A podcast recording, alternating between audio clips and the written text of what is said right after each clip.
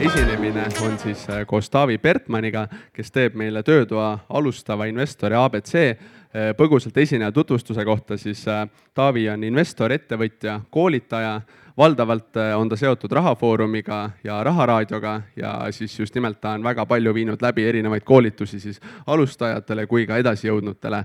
ja olgu siis öeldud, väga oluline teadaanne, et et äh, töötage aktiivselt kaasa, küsige küsimusi, äh, avaldage arvamust, suhelge, sellepärast et siis esinemise lõpus me koos Taaviga anname kõige aktiivsemale ja parimate küsimuste küsijale sellise raamatu täiesti tasuta ära, mis on siis äh, Taavi Sulest alustava investori käsiraamat.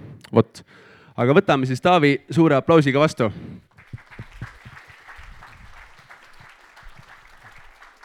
aitäh! Tervist! kuna meil on töötuba, siis ma paneks kohe sind tööle. ehk siis äh, kujuta ette olukorda, et sinule tuleb või sinuni jõuab üks väga hea investeerimispakkumine, sa võrdled seda teistega, mõtled, et äh, nii head pakkumist sa pole enne näinud, väga hea võimalus, ja et sellest pakkumist osa saada, sa pead homseks raha üle kandma. nüüd äh, leia enda ümbert kaks-kolm inimest ja aruta, et mida, mida sa teeksid sellises olukorras, kuidas sa käituksid.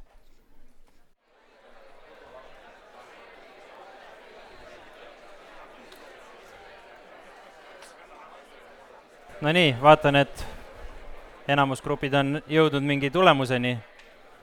Äh, kas keegi tahab oma mõtteid jagada ja tõstke käsi püsti, siis äh, Markus jookseb mikrofoniga sinna kohe tervist, minu senine kogemus on olnud selline, et kui keegi ütleb, et äh, ruttu, ruttu, ruttu, pane raha sisse, muidu jääd sellest investeerimisvõimalusest ilma, siis reeglina on see olnud selline mingi petuvärk ja tavaliselt sa jääd oma rahast ilma mm. -hmm. et ma olen nagu tähele pannud, et alati, kui sa teed otsuse hirmu põhjal, siis on see vale otsus. mõistlik, on kellelgi veel mingeid mõtteid? või jõud-, kes jõudis mingile teistsugusele järeldusele? Väga hea, siis kõigil on põhiõppetund juba kätte saadud. loodetavasti mitte enda rahaga. aga äh,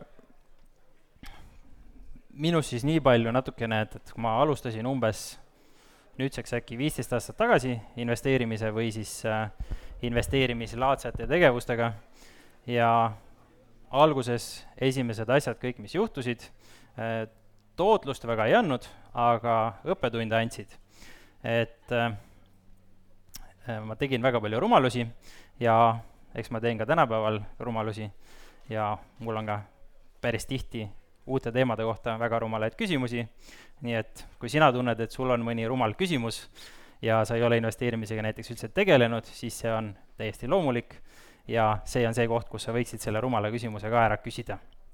sest et parem äh, võib-olla äh, küsida nii-öelda potentsiaalselt rumal küsimus, kui siis rumalalt käituda ja, ja, ja saada õppetunde nagu mina, et hoiame raha kokku.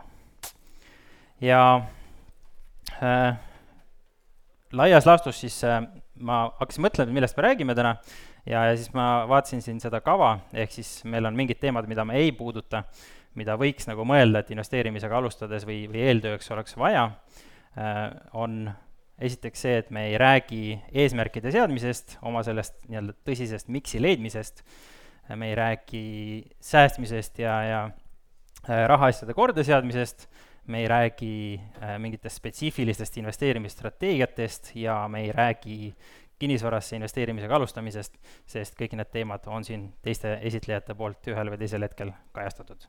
et siis me ei hakka sinna nagu üksteise jala peale astuma. aga millest me räägime, on see, et mis asi on investeerimine, äh, räägime äh, investeerimise põhitõdedest ja äh, või noh, me ideaalis me võiks kõik need asjad ära unustada, me võiks rääkida ainult sellest, et mis küsimused sul on ja, ja tegeleme nendega. ehk siis, kui sul on mingi küsimus, mis sind siia tõi, siis kohe varsti tuleb see koht, kus sa võid neid küsima hakata ja, ja me võime ka lõpuni lihtsalt küsimuste ja, ja sellise vestluse vormis teha. siis tavaliselt on kõige produktiivsem aga igaks juhuks on mul siis ka mingid teemad ette valmistatud. ja lisaks me räägime ka liiklusest natukene. kohe mingid pead tõusid. tuttav teema oh.. Äh, liiklusest rääkides, siis mul on selline küsimus või selline harjutus, et kes on kunagi üheksakümne alal mööda sõitnud kellestki, kes sõitis üheksakümnega, tõsta käsi üles. nii, hoia käsi üleval. Kes on kunagi kiirusepiirangust kiiremini sõitnud? linnas viiekümne viiega näiteks. nii, kes on kunagi äh, istunud kellegi autos, kes on sõitnud niimoodi? nii, kas on mõni käsi, mis ei tõusnud veel või? kõik käed vist on üleval, eks? väga hea, siis võime edasi minna. Käsi töötab kõigil, ühesõnaga, et kui sul on küsimus, siis proovi ka samamoodi teha, et tõsta see käsi püsti, sest et siin on inimesi palju, ma muidu ei näe, kes räägib ja ja Markus tahab mikrofoniga ka joosta, et siis, siis on kuulda ka teistel ka, sest taga muidu ei kuule, kui ees küsib. aga räägime siis kõigepealt sellest, et mis see investeerimine on ja, ja siis lähme edasi. kas keegi oskab juba seletada, mis see investeerimine on? Sest ma tegelikult vaatan, et siin publikus on mingi hunnik inimesi, kes võiksid ise siin laua peal olla. et, et ju siis midagi teist praegu ei toimu, aga aga kas, kas keegi, kes ei ole veel näiteks investeerimisega kokku puutunud, oskab näiteks öelda, mis on investeerimine?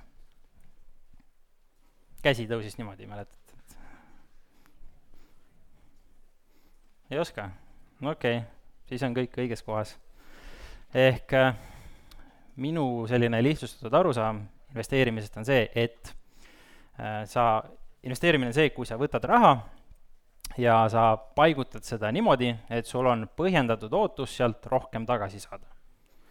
ja see põhjendatud ootus sealjuures on just oluline, sest kui see on ainult lootus, siis see ei ole investeerimine ja, ja see, et rohkem tagasi saaks, see on ka üks oluline osa investeerimisest, eks.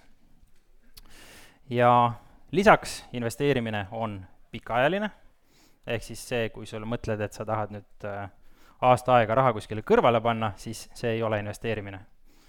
sest me ei tea, mis aasta pärast saama hakkab ja seda on väga raske nagu ette ennustada. et see pigem siis läheb kas äh, äh spekuleerimise, kauplemise või siis ettevõtluse alla, olenevalt, mis sa teed sellega aga investeerimiseks ma seda üldiselt ei nimetaks. Ja, ja mis see pikaajalise äh, aspekt sinna juurde annab, äh, annab esiteks seda, et, et kui sa investeerid äh, sedasi kahekümne, kolmekümne või isegi rohkem aastase perspektiiviga, siis reeglina praktiliselt kõik uudised, mis täna tulevad, on ebaolulised. kõik hinnaliikumised, mis täna tulevad, on ebaolulised. et reeglina inimesed ei mäleta isegi, et mingid asjad toimusid kümme, kakskümmend aastat tagasi. Võib-olla kaks tuhat kakskümmend jääb meelde, et siin on päris huvitavaid sündmusi olnud, aga, aga üldjuhul nende mõju pikaajalisele investeeringule on pigem väike. ja teine aspekt on see, et, et kui sa investeerid pikaajaliselt, siis äh, hästi paljudel inimestel on see probleem, et, et ei saa nagu investeerima hakata, sest et mul ei ole veel seda ideaalset plaani, kuidas asja teha. Ehk kui sa investeerid kakskümmend, kolmkümmend, nelikümmend aastat, siis tegelikult sul on siin aega seda plaani veel täiustada ja lõp-, lõputult ümber teha. ehk ära oota oma ideaalset plaani, lihtsalt hakkab peale, enam-vähem okei okay plaaniga ja sa saad seda veel täiustada korduvalt ja korduvalt. ja sa saad juurde õppida veel lõputult asju, kui sa tahad. vot, ja, ja investeerimine ka mingis kontekstis on siis selline mm, mõtteviis, ehk siis seesama mõte ei kehti ainult raha puhul, vaid sa võid mõelda ka sellest erinevates muudes eluvaldkondades. näiteks äh, kulutad energiat selle peale, et teed trenni ja siis sul on pärast rohkem energiat või või, või siis mingi aja, plaanid aega, panustad natukene aega aja planeerimisse, pärast on sul rohkem aega. et, et selles mõttes seda võib nagu mõelda mitmes aspektis. ja enne kui edasi läheme, nüüd on see koht, miks sa siia tulid, mis su küsimus on tõsta käsi püsti, me võime siin nüüd tund aega täis rääkida. väga hea, üks mikrofon juba liigub. Äh, aitäh, äh, äkki sa siis laiendad seda teemat, et äh, mis on see enam-vähem okei plaan, millega pihta hakata? okei okay,, selleni ma kohe tegelikult jõuan juba niikuinii. et sa, sa lähed nagu minu kava järgi enam-vähem, et aga, aga siis me võimegi sealt edasi minna.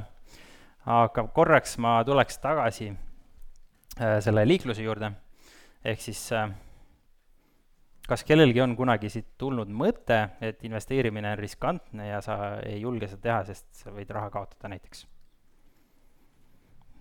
okei okay., ma mõtlesin mingi pooled käed, võib-olla rohkem, eks. aga kas sa oled kunagi mõelnud, et üle kiiruse sõitmine on riskantne ja sa võid oma elu kaotada? vähem käsi. okei okay., ma huvi pärast vaatasin eile statistikat natukene Äh, üks kilomeeter tunnis kiirem kiirus suurendab õnnetuse tõenäosust kolm protsenti. ehk siis, äh, kui sa sõidad kümme kilti üle, siis ma ei tea, kas see tuleb nüüd liitintressina sinna või, või on kolmkümmend protsenti, ühesõnaga mingi umbes kolmandiku võrra on võib-olla tõenäosus suurem õnnetusse sattuda, eks. et äh, kõik käed tõusid püsti siin ma vähemalt ei näinud, et ükski käsi ei oleks püsti, ehk enamus inimesi regulaarselt on valmis siin saalis ja ma eeldan, et terves Eestis, arvestades sellega, mis ma liikluses näinud olen, enamus inimesi on regulaarselt valmis oma eluga riskima ja teiste inimeste eluga riskima. aga oht natukene raha kaotada, liiga riskantne, eks. et äh, paneks nagu perspektiivi need asjad et tegelikult see raha kaotamise risk on lihtsalt hästi lihtsalt mõistetav, eks. ja seda saad näha ja tegelikult see asi ei ole selles, et see on riskantne, asi on selles, et sa lihtsalt mõtled sellest kuidagi teistmoodi. et saaks nagu üle sellest ja, ja lähme siis edasi. aga äh, nagu siin küsimus oli, et mis on siis selline üks lihtne viis, kuidas alustada ja, ja ma selle ainult ühe lihtsa viisi annangi äh,. kõige lihtsam viis tõenäoliselt ja ja tõenäoliselt ka enamus inimeste jaoks kõige äh, parema tulemusega viis pikas plaanis. Ja viis, mis ei nõua praktiliselt absoluutselt ajakulu ja nõuab üsna vähe teadmisi, on äh, passiivne indeksfondi investeerimine. ja mis see tähendab, esiteks, et mis asi see indeksfond on, see on sisuliselt äh, selline, selline fond, mis äh, võtab oma portfelli lihtsalt hunniku aktsiaid, ta ei ürita valida mitte midagi ja ta üritab liikuda siis äh, börsi liikumisega kaasa. ja sa saad sisuliselt osta sellise indeksfondi, kus sees on mingi üheksakümmend viis, üheksakümmend kuus protsenti äh, kogu maailma aktsiatest nende suuruse järgi. ja lihtsalt sõita majandusega üles-alla kaasa ja selle mõte on siis see, et viimase mingi sajakonna aasta jooksul on börsid liikunud üles üsna hea tootlusega ja nad on käinud vahepeal üles-alla, eks, aga sellepärast me räägimegi just pikaajalisest investeerimisest, sest et pikaajaliselt nad on lõpetanud üleval. et kui sa vaatad seda aktsiagraafikut, siis see näeb umbes selline välja, kukub vahepeal kolinal, siis jälle tõuseb, kukub ja kolinal ja nii edasi, nii edasi, aga pikas plaanis ta on tõusnud päris korralikult. see ei ole garantii, et tulevik samasugune on, meil võib kogu see majandussüsteem ja kõik asjad kokku kukkuda ja mis iganes, aga see on nii-öelda ajalooliselt nii olnud ja noh, üldjuhul ei ole väga mõjusat argumenti veel välja, või mina ei ole vähemalt näinud ja, ja ma ei ole kuulnud, mis ütleks, et vastupidine oleks parem idee. ja mis selle asja nagu tagajärg on või, või selle äh,, sellise lähenemise tootlus on, on ka tavaliselt äh, parem, kui enamus sellised ise üritada mingeid trikke ja nippe seal teha. ehk siis äh, puhtstatistiliselt umbes äh, kaheksa-üheksa fondijuhti kümnest jäävad sellisele tootlusele alla ja erainvestoritest ilmselt see protsent on veel suurem. ja, ja see siis on selline kõige lihtsam viis, kuidas alustada ja paljudel juhtudel võib-olla ka siis kõige lihtsam viis, kuidas, kuidas lõpetada, vähemalt Äh, kuni selle hetkeni, kui sul on pensionini mingi kümme aastat jäänud. et siis on natukene vaja seal mingeid muid trikke hakata vaatama ja nii edasi. aga üldjuhul jah, Warren Buffetti soovitus, ma arvan, on päris hea, et, et äh, pane raha indeksisse ja, ja siis keskendu sellele, kuidas sa raha teenid. ehk tee oma tööd, tee oma ettevõtlust, arene seal ja reeglina on see ka parem tulemus. ja, ja kuidas seda siis äh, hästi lihtsalt teha Eestis on kõige lihtsam valik ilmselt äh, kolmanda samba pensionifond, neid indeksfonde on tänase seisuga äkki vist kolm seal, kõik on natukene erinevad, aga, aga need on olemas ja neil on üsna madalad tasud. Ja, ja lisaks siis saab ka tulumaksusoodustust, ehk siis äh, kuni viieteist protsendi pealt oma brutotulust või maksimaalselt kuus tuhat, kuue tuhande euro pealt saad tulumaksu tagasi, kui sa sinna investeerid. Ehk siis see on üks selline kõige lihtsam ja, ja tõenäoliselt ka tulusam viis, kuidas indeksfondi investeerida.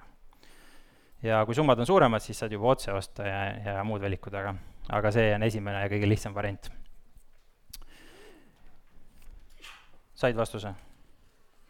okei okay., ja kui veel praktilisemaks minna, siis äh, äh, kõige lihtsam variant tõenäoliselt on minna tuleva e-lehele, valida ülevalt menüüst kolmas sammas ja siis seal on juhend, kuidas erinevates internetipankades ja pensionikeskustes ja tuleva äpi kaudu kõik seda sammud ära teha. ehk see on üsna selline kerge, mingi viie minuti töö umbes, noh, oleneb lugemiskiirusest, aga, aga väga lihtne ja saad püsikorralduse teha ja sisuliselt ära unustada kõige keerulisem osa on see, et kui aktsiahinnad kukuvad, siis et sa ei vaataks seda liiga palju. vot. Veel küsimusi? oota ikka mikrofon ära. nii äh,, eile esinejad rääkisid hästi palju siuksed asjad nagu lühikeseks müümine.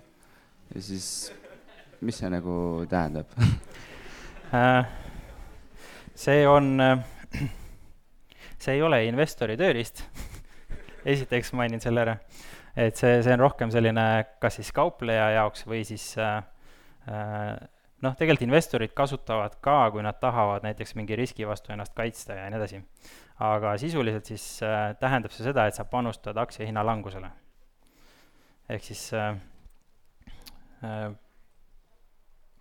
sa justkui laenad aktsiaid, müüd need maha ja siis ostad tagasi pärast. et kui hind on langenud, siis sa saad nagu odavamalt tagasi osta, kasum jääb sulle, ja kui hind on tõusnud, siis sa saad kahjumit. Ja, ja seal on nagu see eripära ka, et see on üks, üks vähestest võimalustest, kuidas sa saad kaotada rohkem, kui sa, kui sul raha on. et alustajana ilmselt esimese tehinguna ma ei kasutaks seda, et võib-olla esimese kümne seas jätaks ka veel igaks juhuks. aga selline võimalus muidu on olemas jah, et saab teha ja, ja saab oma portfelli õhku lasta hästi ja ma küsiks äh, selle kohta, et äh, mis te arvate sellest platvormist pluss viissada? Ma ei arva sellest midagi, et investori jaoks ei ole seal ka ilmselt midagi teha, et see, ma ei ole seda üldse uurinud, aga, aga mulle tundub, et see peaks olema mingi kauplemise teema. aga ma ei tea sellest mitte midagi, et kuna ma ei tegele kauplemisega, siis ma ei ole isegi, ma olen seda nime näinud, aga ma ei ole sealt kaugemale läinud. tere, Taavi. selline küsimus, et kui sa võtad umbes viisteist aastat, oled noh, investeerimislaadsete tegevustega tege-, tegelenud, aga millal sa ise selleni jõudsid, et võiks passiivsesse indeksfondi investeerima hakata ja miks me võiksime seda varem tegema hakata um,? ma arvan, et ma jõudsin sinna äkki mingi paar aastat tagasi, sest et enne seda tegelikult siin Eestis väga, väga seda infot nagu ei liikunud nii hästi. ja, ja see sõnastus oli sul väga õige, et võiks, ehk siis mul reaalselt äh, on seda suhteliselt vähe, sest ma olen üks nendest imelikest inimesest, kellele meeldib investeerimine kui tegevus.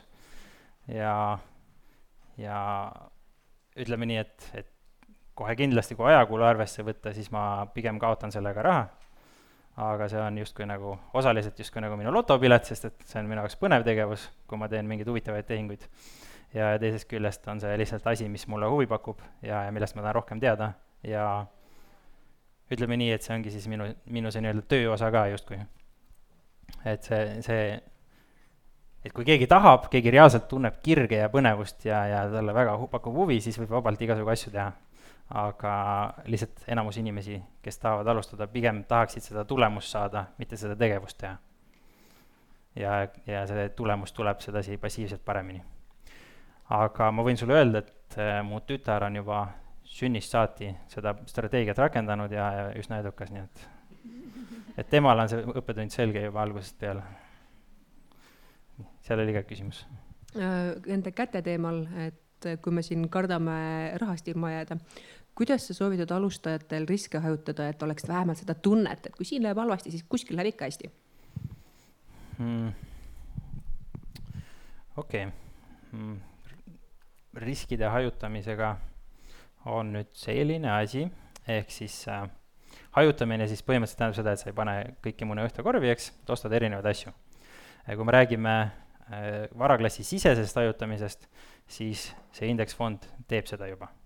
ehk siis, kui sa ostad selle indeksfondi, seal on juba kahe tuhande, kolme tuhande aktsia või ettevõtte aktsiad sees, ehk sa oled nagu globaalselt hajutatud, need on erinevad turud, erinevad sektorid, erinevad riigid ja sellest nagu rohkem hajutada ei olegi nagu väga, väga palju kasu.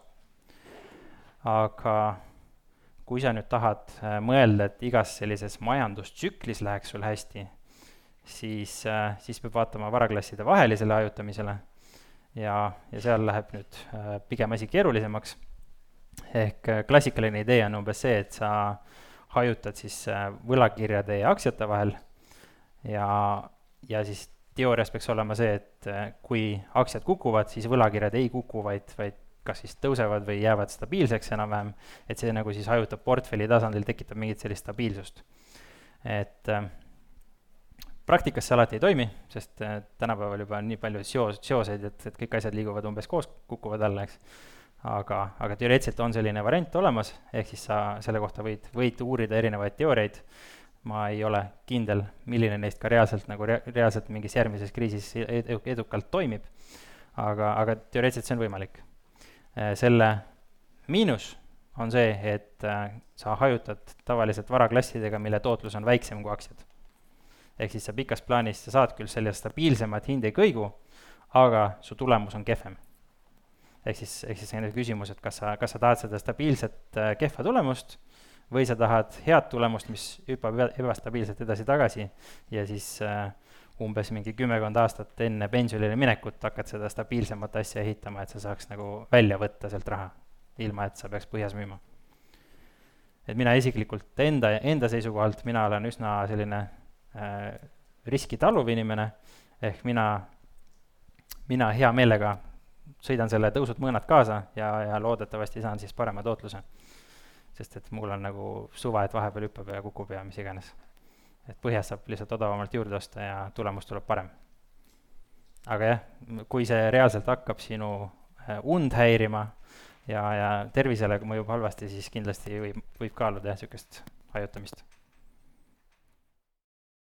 Äh, tulles tagasi korraks nende indeksfondide juurde, siis äh, jättes kõrvale pensionifondid, kas alustaval investoril tasub indeksfondidesse siis investeerida eraisikuna või ettevõtte alt ja mis on ühed plussid ja, ja miinused teise ees?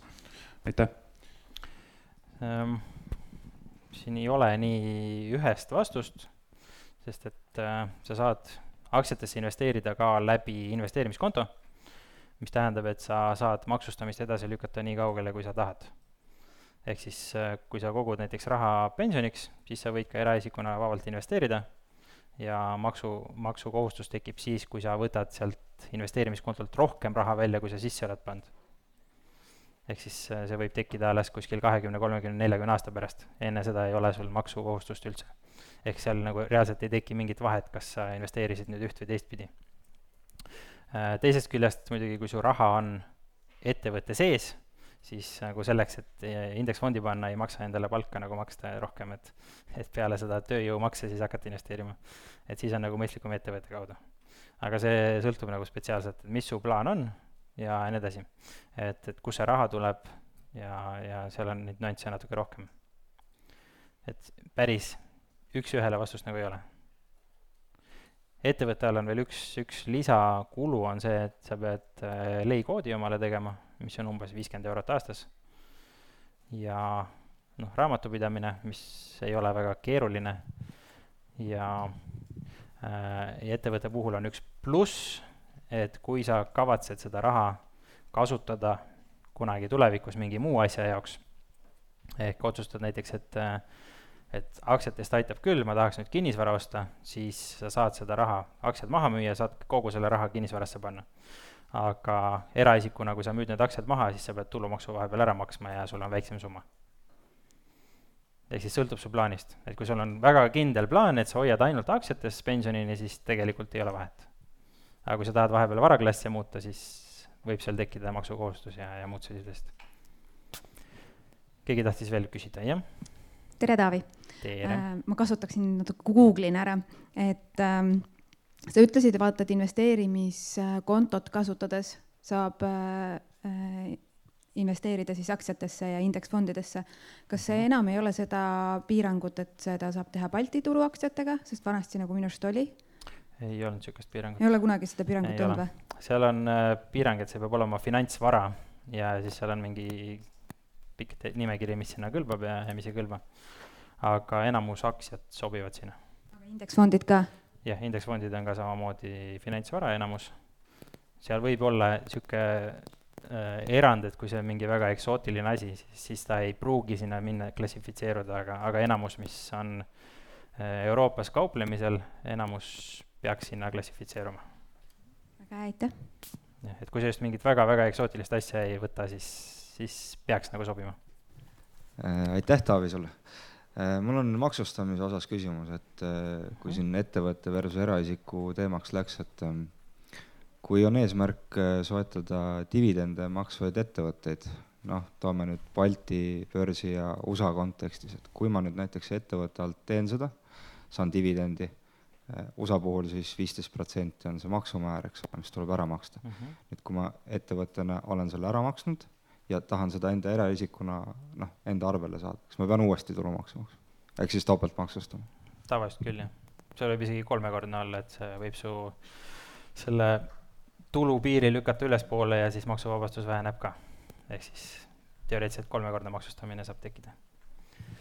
ehk siis dividendiaktsiad on eraisikuna, kui on strateegia osta-hoia, siis eraisikuna pigem? kui sa tahad dividende, siis äh, enamjaolt võib see olla mõistlikum, jah. Oleneb, kui palju see aktsia hind seal tõuseb ja mis seal muud asjad on, aga, aga üldjuhul jah, et kui sa seda topeltmaksustamist ei taha, siis, siis ta võib olla kasulikum selles osas. muidugi on..., muidugi seal vist on see erand, et kui sa ostad kümme protsenti ettevõttest ära, noh, Apple'ist vist on raske, aga aga kui sa kümme protsenti vähemalt saad, siis vist saab nagu seda topeltmaksustamist vältida, aga aga tavaliselt börsi peal seda vist ei juhtu eriti, et keeruline teema, aga konsulteeri maksunõustajaga või, või mõne raamatupidajaga, eks. et see, see, see nii-öelda see Eesti maksusüsteem läheb nagu päris, päris keeruliseks kohati. et, et see tasub selgeks teha. aga äh, üldjuhul tegelikult, mis ma tahtsin maksustamise kohta üldse öelda, on see, et äh, et alustajana tegelikult ei ole see üldse nii suur probleem, et millele üldse mõelda.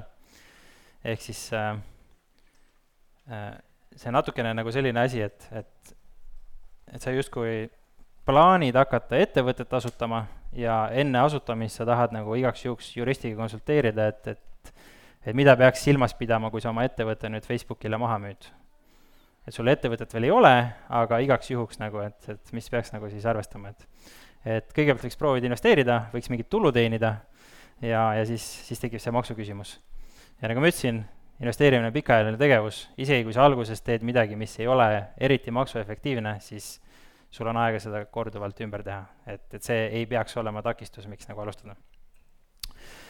ja muidugi maksustamishetk tekib ka siis mingi pool aastat või poolteist aastat hiljem tavaliselt, nii et, nii et seda on aega ka selgeks teha äh,.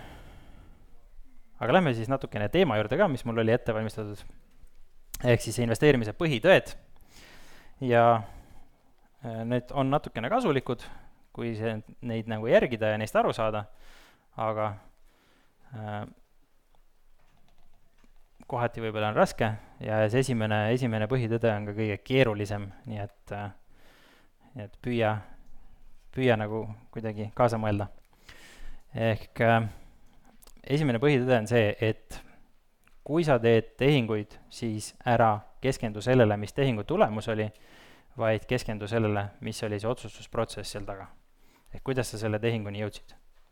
ja põhjus on väga lihtne, ehk põhjus on see, et me oleme inimesed ja me loome endale ilusaid illusioone, ehk ka mina alustasin näiteks investeerimisega nii, et ma, ma tegin, kõige esimene tehing börsil oli näiteks Olympico IPO, mis läks ülihästi, os-, liit-, osalesin sellel, no IPO on siis see, et aktsia tuleb börsile, osalesin selles ja müüsin siis, mäleta, kas mingi nädala-kahe jooksul oma need aktsiad maha, teenisin mingi ilusa kahekohalise protsendi tootlust selle ajaga ja, ja olin hullult rahul endaga, et, et geniaalne värk oli.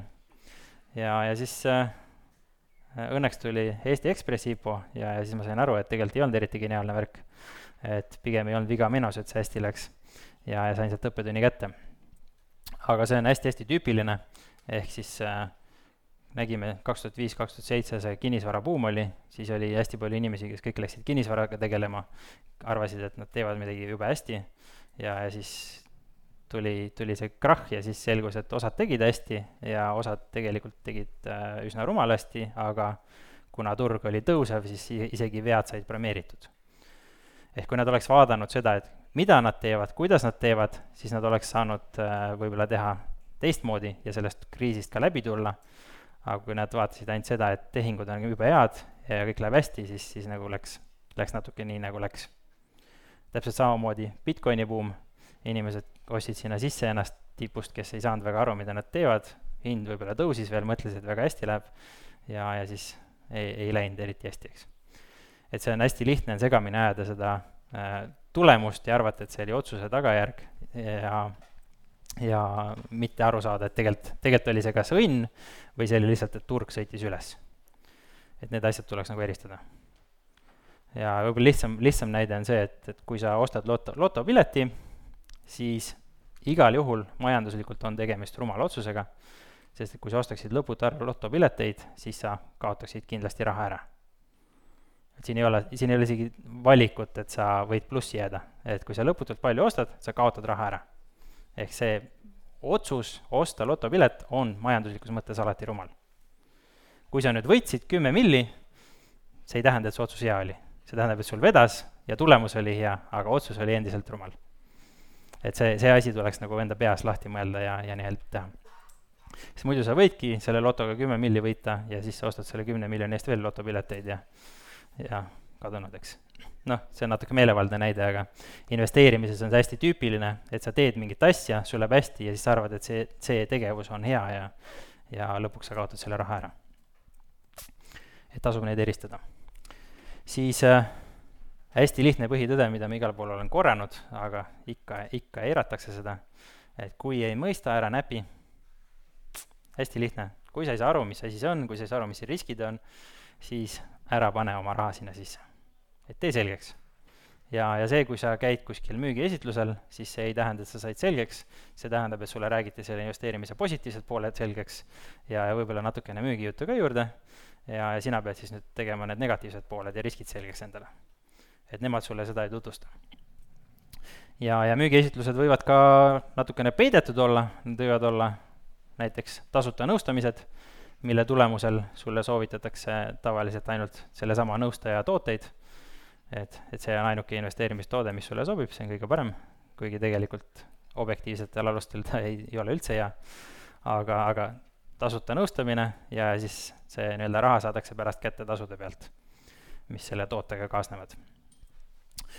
Ja lisaks on siis ka, nüüd on veel popimaks saanud see, et meil on igasugu huvitavad blogijad, kes äh, õnneks Eestis vist ma ei ole väga täheldanud, ma pole ka väga palju lugenud neid uusi, aga välismaal on näiteks päris palju selliseid blogijaid, kelle ainuke eesmärk on sisuliselt teenida vahendustasusid, ehk siis nad kirjutavadki sulle, et, et see asi on nüüd üliäge, see ühisrahastusportaal on väga hea ja, ja see, see, ma ei tea, mis investeering on väga hea ja mõte on siis see, et sina liitud nende lingi kaudu ja siis nad saavad selle eest tasu. aga tegelikult nad absoluutselt isegi ei viitsi uurida seda portaali vahepeal või, või siis nad lihtsalt ei oska. Ja tihtipeale on isegi see sisuturundus sinna ostetud, et see artikkel, kus ta kirjutab, et see on väga hea, see on tegelikult ostetud reklaam. ja, ja alati ei ole märget juures, eks, et see on ostetud. et selles mõttes tasub nagu üsna allikakriitiline olla. ja mida siis teha, et kui sa ei mõista siis ongi kaks valikut, esiteks ei näpi või teiseks teed selgeks ja, ja ma üritasin siis kunagi välja mõelda, et mis see, mis see selgeks tegemine võiks nagu olla, et mis tasemel see selgeks saad-, selgeks võiks saada, et mõne, mõni inimene guugeldab ja loeb kahte lauset, mõtleb, et nüüd saab kõigest aru. teine inimene loeb kolm raamatut ja viiskümmend teadusartiklit läbi ja siis tekib ikka küsimusi, eks. et äh, võiks kasutada niisugust rusikareeglit, et sõltuvalt nendest summadest, mida sa investeerid, tee umbes sama palju taustatööd, kui sa teed muude ostudega, kus sa sama summasid investeerid. et kui sa käid poes, teed kümme, kakskümmend eurot impulssoste, siis võid vabalt ka kümme, kakskümmend eurot impulssinvesteeringuid teha. et seal ei ole vahet nagu. et nende ostudega kaotad kakskümmend eurot või investeeringutega kaotad kakskümmend eurot, vahet pole. lihtsalt investeering võib sulle midagi tagasi tuua, aga see ost tavaliselt ei too, eks ja kui summad kasvavad, siis muuda seda standardit. et kui sa ostad omale mingi kalli auto, siis sa ilmselt teed enne eeltööd ja tee investeeringuga samamoodi. Äh, üks lihtne mõte veel on see, et risk ja tulu käivad alati käsikäes. või noh, mõnikord hoiavad, lasevad käest lahti, aga, aga tavaliselt käivad käsikäes.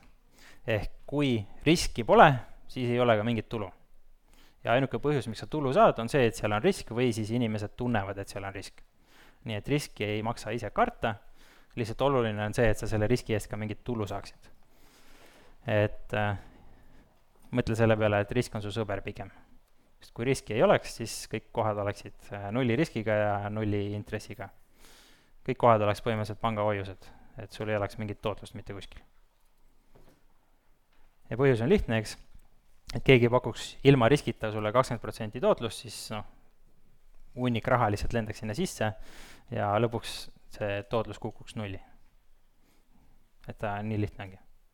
mõnikord juhtub selliseid asju, et, et risk või see tootlus on liiga kõrge selle riski kohta ja siis, siis see tihtipeale läheb õigesse kohta tagasi, aga tihedamini juhtub sellist asja, et tootlus on liiga väike selle riski kohta eriti sellistes kohtades nagu ühisrahastus, kus, kus enamus investorid võib-olla ei oska riske hinnata, ja kui see hästi populaarseks saab mingi koht, siis, siis kipub juhtuma seda, et see tootlus läheb nii alla, et see ei ole seda riski väärt.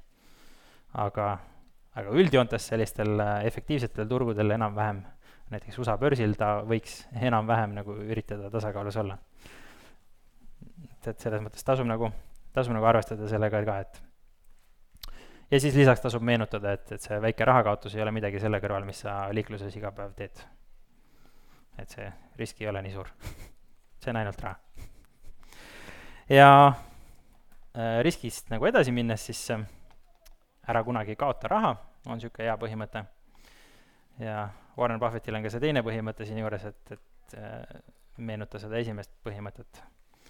et igaks juhuks oleks ikka väga hästi meeles see, et ära kaota raha ja kui me räägime sellistest investeerimispõhimõtetest, siis, siis see vist on äkki äh, ma ütleks, et see võib-olla on ainukene põhimõte, millega praktiliselt kõik edukad investorid ja isegi kauplejad on nõus.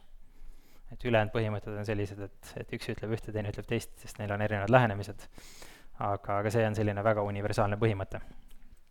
ja mõte on hästi lihtne, äh, esiteks sellepärast, et kui sa raha kaotad, sul on seda tunduvalt raskem tagasi teenida.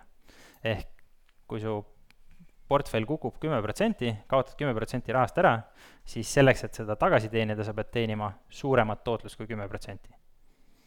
sest su portfell läks väiksemaks. ehk see tagasiteenimine on, on äh, tunduvalt raskem. Ja, ja see põhimõte on teisest küljest nagu hea, et äh, see paneb sind alati mõtlema enne tehingut, et mis need riskid on ja kus ma siin raha võiks ära kaotada.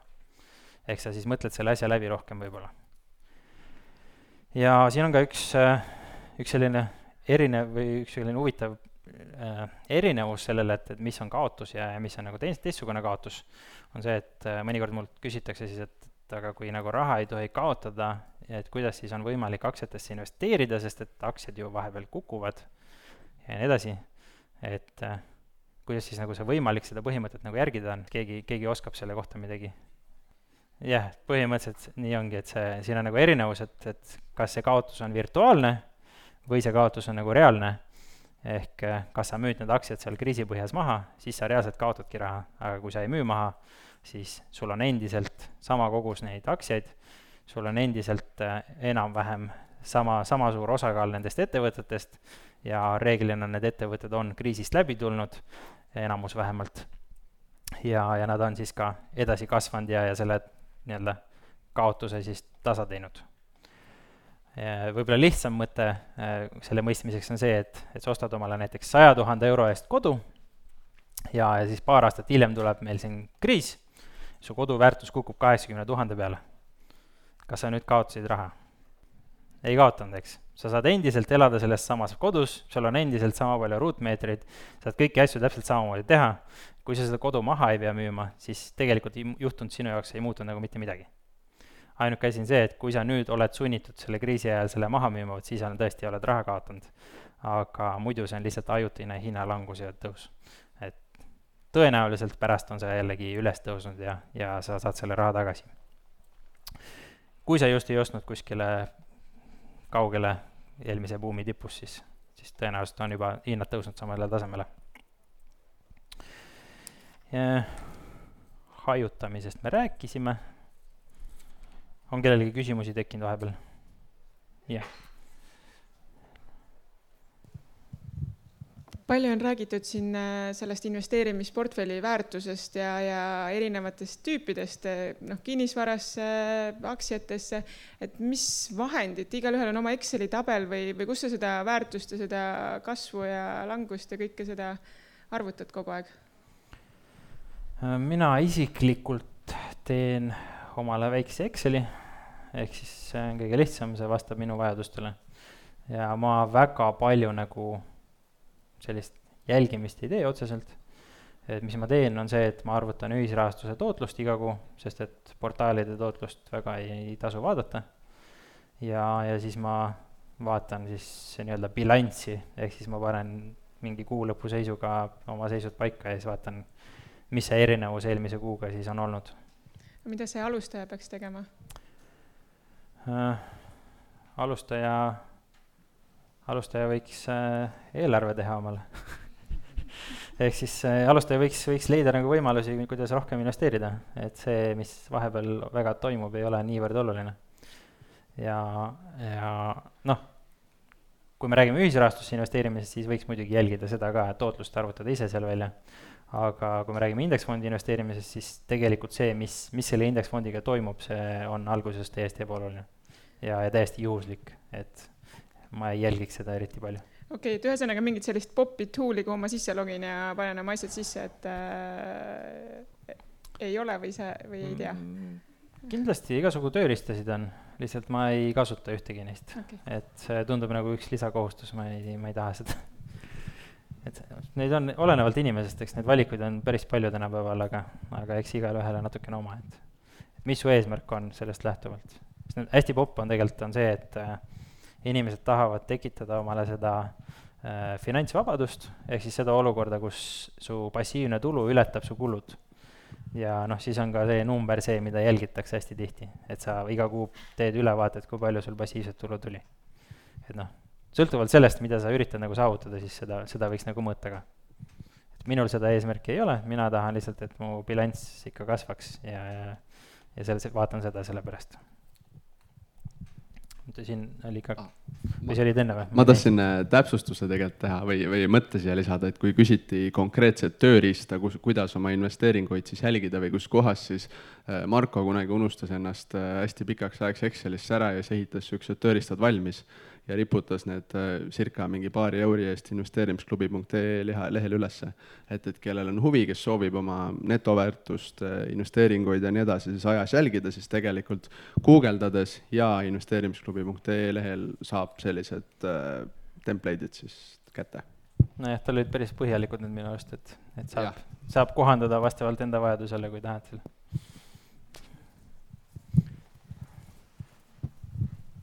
mul oli küsimus selle esimese põhimõtte kohta, et mhm. kui sa oled tõesti algaja investor, et sellest sinu lotopileti äh, näites sai nagu väga hästi aru, et noh, oli noh, et see ongi halb otsus nagu see mhm. lotopileti ostmine. aga kuidas ma saan aru äh,, kui mu tulemused on tõesti nagu head kogu aeg et kuidas ma saan siis sellel hetkel aru, et aga mu otsus ei ole hea, vaid lihtsalt mul veab või mu turg nagu noh, turu tõusest, tõusust saab võib-olla veel aru, aga kuidas sellest õnnest aru saada mm? -hmm kui sa selle välja mõtled, siis anna, anna see teada.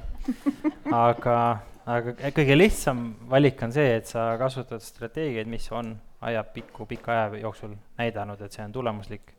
ehk siis näiteks seesama indeksfondi lähenemine on nüüd sada pluss aastase perioodi peale olnud tulemuslik, ehk võiks justkui eeldada, et see on edaspidi ka mm. -hmm. see ei pruugi, aga, aga jah, see on niisugune hästi lihtne variant, eks.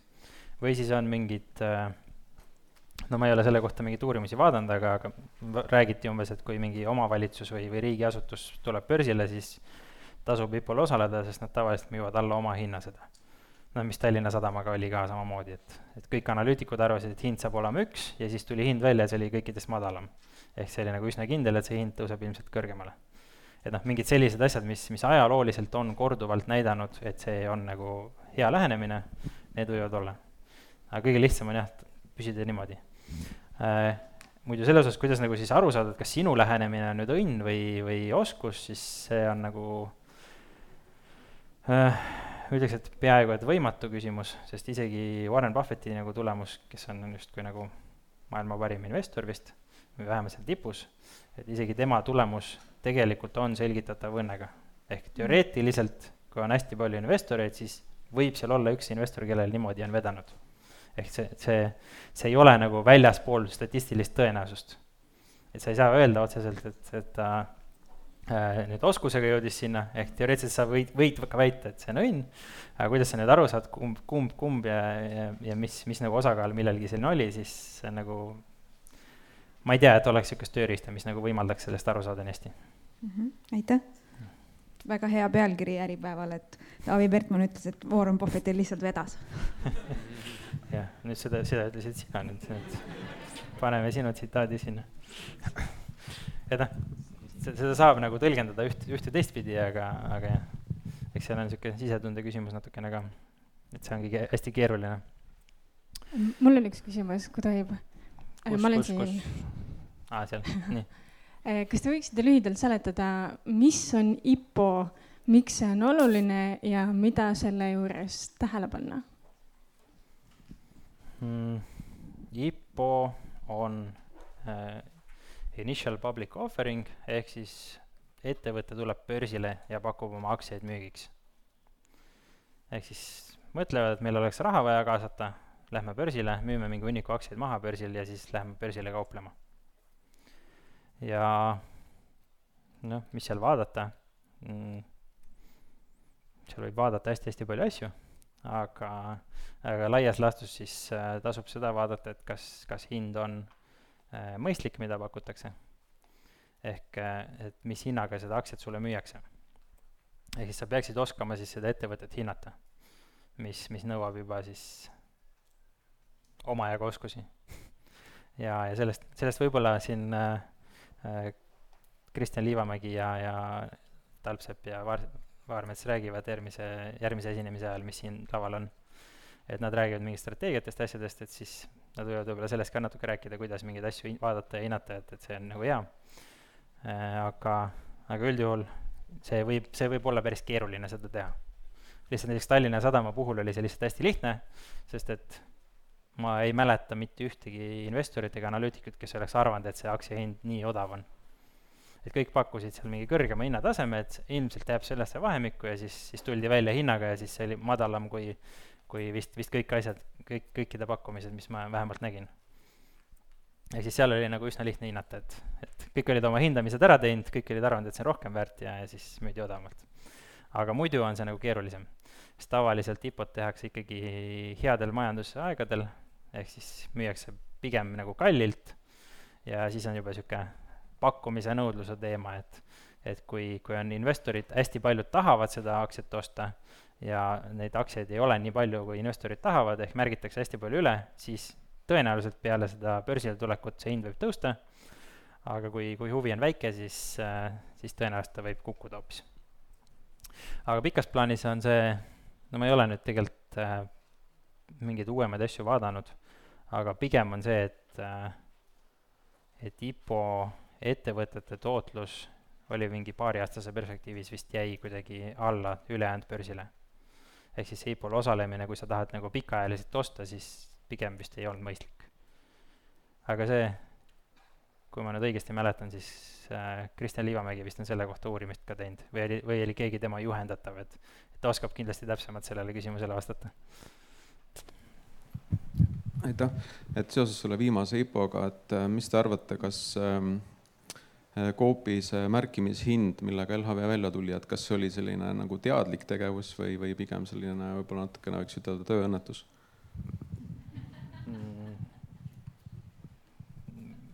ma ei oska kommenteerida, mis nende otsused seal taga olid ei ole mul siseinfot. ma võin nii palju öelda, et mulle tundus see natukene kallis, et mina ei osalenud. aga muus osas ma, ma kahjuks ei tea, mis nende peas toimus. Et seda peab ilmselt kuskilt sealt küsima, kuskil, kuskil saunaõhtul mõne inimese käest, kes seal otsuse juures oli. jaa, mul on küsimus ühisrahastusplatvormide kohta, et äh, mille järgi neid hinnata, et eh, millisesse võiks raha paigutada ja kuhu mitte? oh, ainult lihtsad küsimused uh,. Uh, noh, kõige lihtsam uh, lähenemine on see, et, et mul on kodulehel ühisrahastuse andmebaas ja seal on põhinimekiri, kus on hetkel valikus kolm platvormi. et kui nendega piirduda, siis, siis peaks enam-vähem nagu okei okay olema. Aga äh, keerulisem, keerulisem on juba päris keeruline, et, et kuidas nagu, kui sa tahad mingeid muid platvorme sinna võtta, siis äh, äh, noh, esiteks ma välistaks kõik uued platvormid, sest et sa ei tea, mis nendest saama hakkab üldse siis ma välistaks ka äh, igasugused sellised kahtlasema taustaga platvormid, kus on juhtkond, on mingid sellised inimesed, kellel kas, kas puudub üldse kogemus selles valdkonnas või, või on, äh, tuleb isegi välja mingid mõnusad, mõnusad äh, lood minevikust, kuidas on kedagi üle lastud ja nii edasi. et, et ka selliseid asju tasub nagu uurida. ja nüüd siin nende huvitavate petuskeemide puhul kindlasti tasub ka seda jälgida, et, et platvorm ei oleks registreeritud kuskil teises riigis, nagu näiteks lätlaste platvormid Eestis et see on juba üsna suur ohumärk. Äh, ja siis äh, võib-olla kõige lihtsam variant on lihtsalt see, et sa püüad leida mingi kogenuma investori, kes reaalselt investeerib, äh, kes ei ürita sulle oma soovituslinki müüa iga hetk ja, ja kes, kes ka saab aru, mis ta teeb ja, ja siis vaatad tema kogemust. et mis ta sulle räägib ja mis ta jagab ja, ja mis suhtumine on, et et seal on, sõltub nagu nii palju konkreetse platvormi teemast et mul on, mul on tegelikult äh, blogis ja, ja ka raamatus mingid nimekirjad erinevatest asjadest, mida saaks vaadata, eks, aga see sõltub nii, nii väga sellest spetsiifilisest platvormist, et, et mida seal vaadata nagu. et lihtsalt nagu üldjoontes see, et, et esiteks äh, portaal oleks usaldusväärne, oleks majanduslikult jätkusuutlik, ehk siis noh, ta ei pea kasumis olema, aga kas tead, et neil on nagu raha ja, ja siis need, need investeeringud, mis seal pakutakse, oleks reaalsed investeeringud ja et nad oleks kasumlikud et kui selline suurt pilti nagu mõelda. et kui need asjad on paigas, siis äh,, siis võib juba vaikselt kaaluda, eks.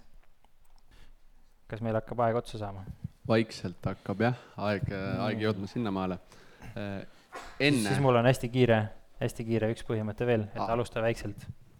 et isegi kui sul on hästi palju raha, siis alusta väikselt, sest õppe, õppemaksud on muidu kallimad ja vead on garanteeritud, et, et see on kindlasti hästi oluline mõte hea point. Äh, nüüd enne veel, äh, kui me selle esinemise wrap up ime, siis meil on äh, Taavi raamat vaja kellelegi aktiivsele hea küsimuste, heale küsimuste küsijale ära anda.